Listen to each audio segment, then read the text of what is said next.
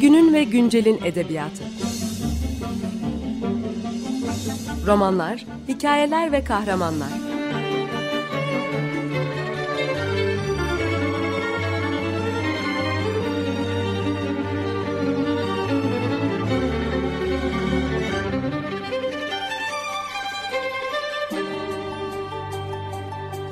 Hazırlayan ve sunan Seval Şahin.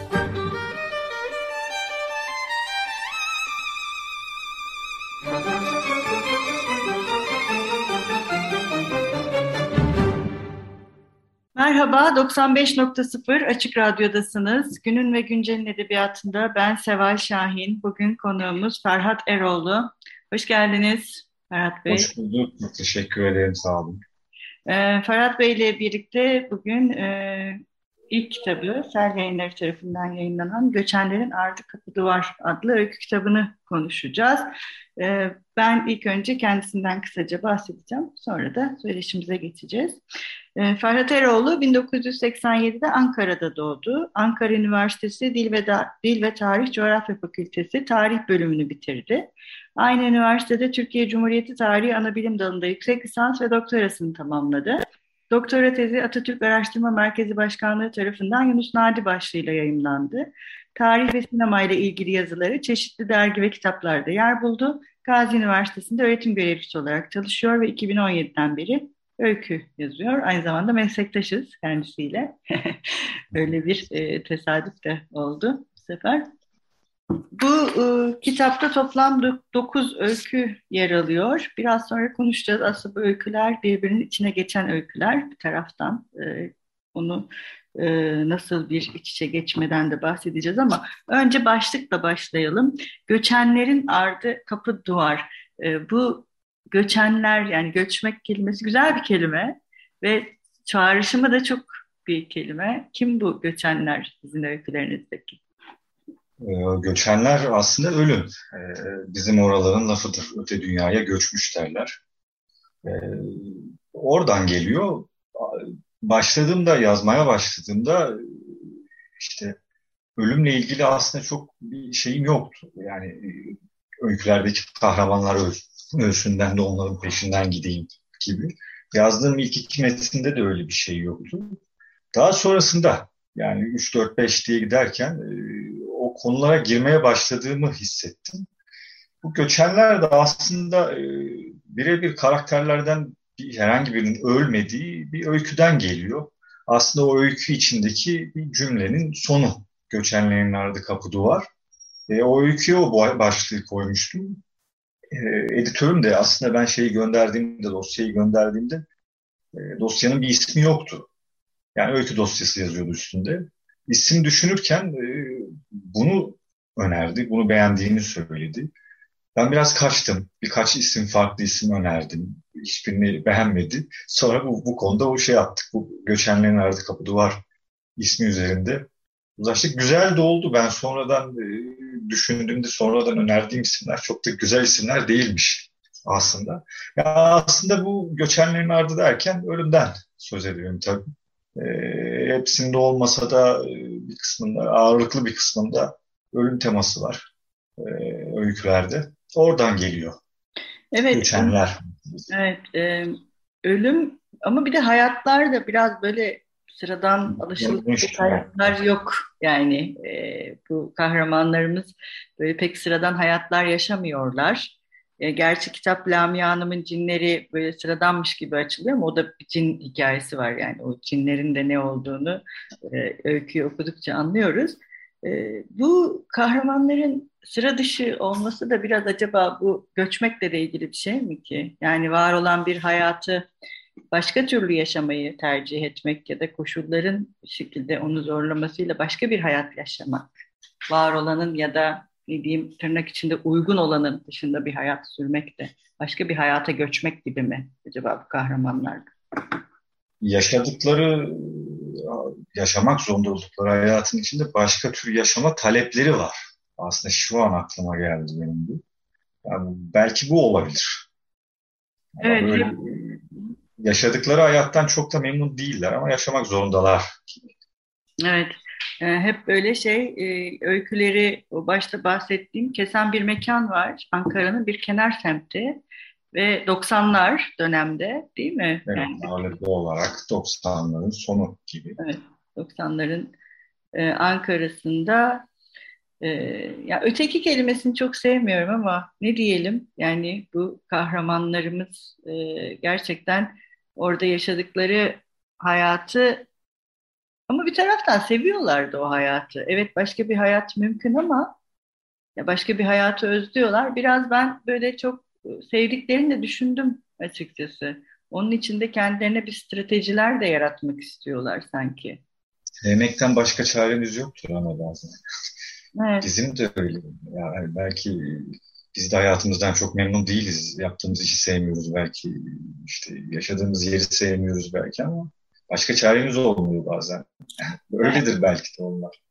Ama edebiyatın özellikle bu tarz bir edebiyatın bir tehlikesi de var aslında yazarken. Bunu böyle biraz arabeskleştirme e, tehlikesi.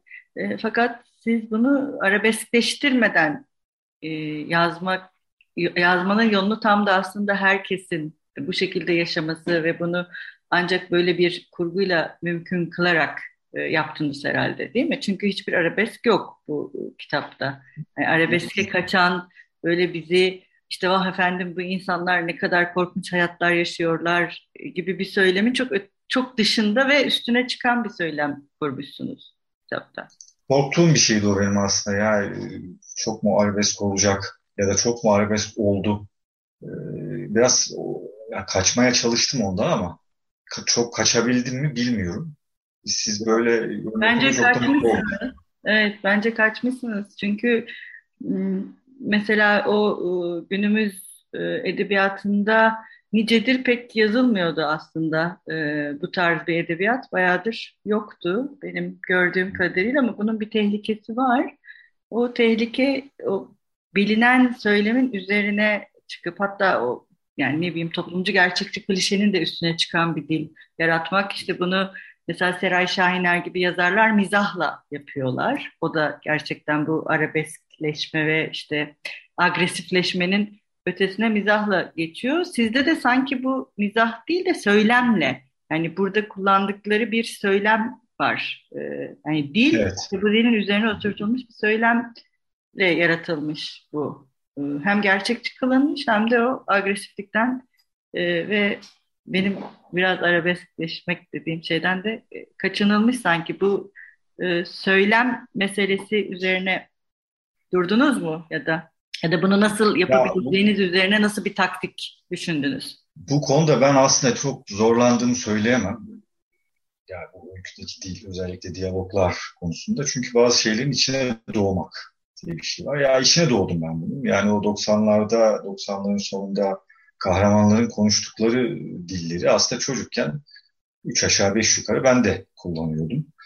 Onları görerek büyüdüm. Bir de şöyle bir şey var. Her kuşak belli bir sokak üslubu getiriyor. Ee, bu bir süre gidiyor. 5-10 sene, 5 sene, 10 sene. Ee, daha sonra unutulup gidiyor. Yani 70'lerde işte Ankara'da ya da 70'lerde İstanbul'da sokakta konuşulan e, kelimelerin belki önemlice bir kısmını biz kullanmıyoruz gündelik hayattaki şu anda.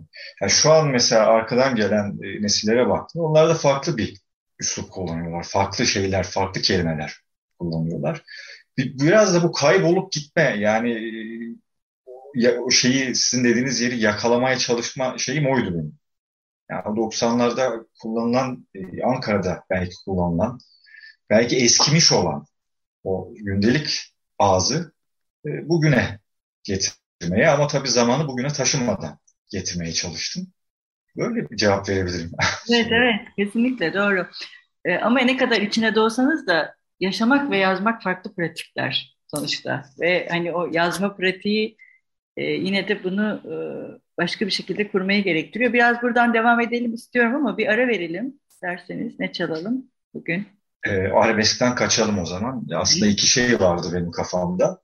Müslüm Gürses'in kitapta da geçen yıllar utansın vardı ve yazdığım dönemlerde, metinleri yazdığım dönemlerde yoğun olarak dinlediğim Baba Esrar aynı zamanda e, Tabutlar Röveşatı'nın da film müziği olan yansımalardan Baba Esrar'ı rica edeyim. Peki.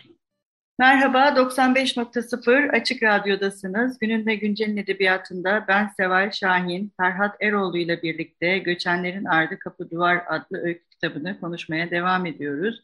Programımızın ilk kısmında Ferhat Bey ile birlikte bu göçenleri, göçenlerin kim olduğunu, yaşam ve göçmek arasındaki ilişkiyi ve 90'ların sonunda Ankara'daki bir kenar semtte yaşayanların e, gündelik hayattaki e, konuşma dilleri, pratikleri ve bunların e, kurguya yansıtılmasından bahsettik. Buradan devam edeceğiz.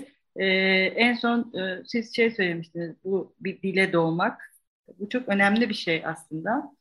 Yani bir dili o e, yaşamak ve sonrasında onu yazarken e, yeni bir pratikle karşı karşıya kalmak. Yine işte 70'lerdeki gündelik dildeki e, kullanılan ya da bildiri jargon aslında o jargonların bazı sokak jargonlarının evet. gündelik e, dilde e, yer bulmaması ama edebiyat gerçekten buna çok büyük bir katkıda bulunuyor bir taraftan.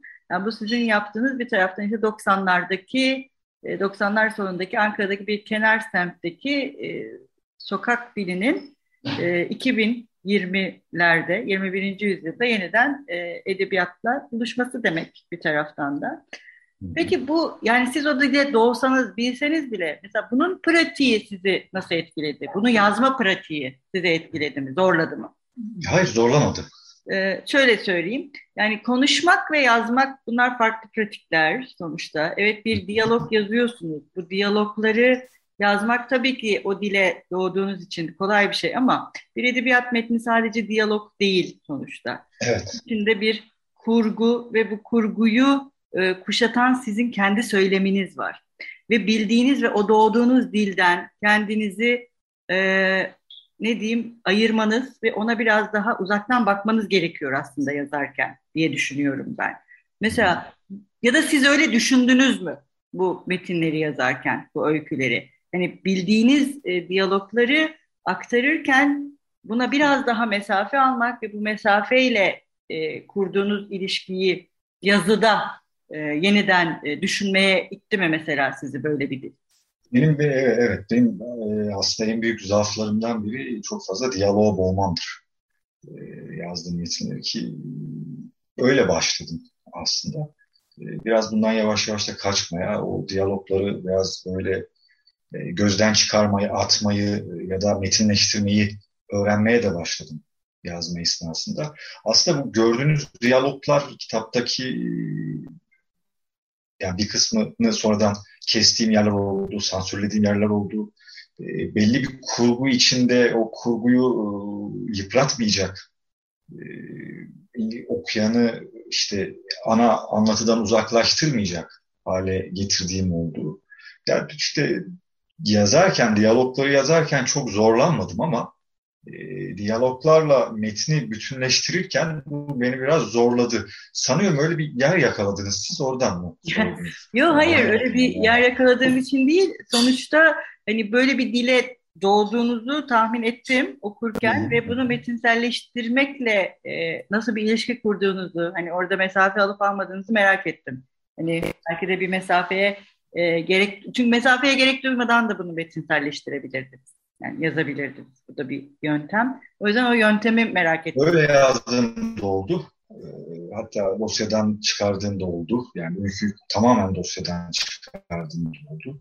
Buna biraz daha mesafeli bakayım ben ee, dediğim e, öyküler de oldu. Ee, başarabildiysem eğer bu kitapta o mesafeyi güzel bir şey. Yo, ben... Ama dediğiniz yani yani o mesafeyi hiç almadan birebir sanki o işte kahvede masanın bir ucunda da ben oturuyormuşum ve sohbete katılıyormuşum gibi e, bir şeyim de oldu. Ama o işte dediğiniz gibi bazen hem ölçüyü kaçırır hem e, arabesk meselesine çok gömer. Metni. Evet yani bu çok e, önemli bir mesele bence sizin yazdığınız tür metinlerde. Hani bunun farklı yazarlar tarafından nasıl işte metinselleştirirken stratejiler yarattığı meselesi de beni ilgilendiriyor açıkçası bir okur olarak. O yüzden özellikle e, sormak istedim. Yani her ikisi de olabilir. E, sizin e, yolunuzu merak ettiğim için sormuştum aslında. Yani aslında şöyle söyleyeyim son olarak ben bir şey yazmaya başladığımda yani bir metin işte bir öykü yazıyorsam genelde bir meseleden yola çıkıyorum. Yani bir temel bir derdim oluyor kafamda.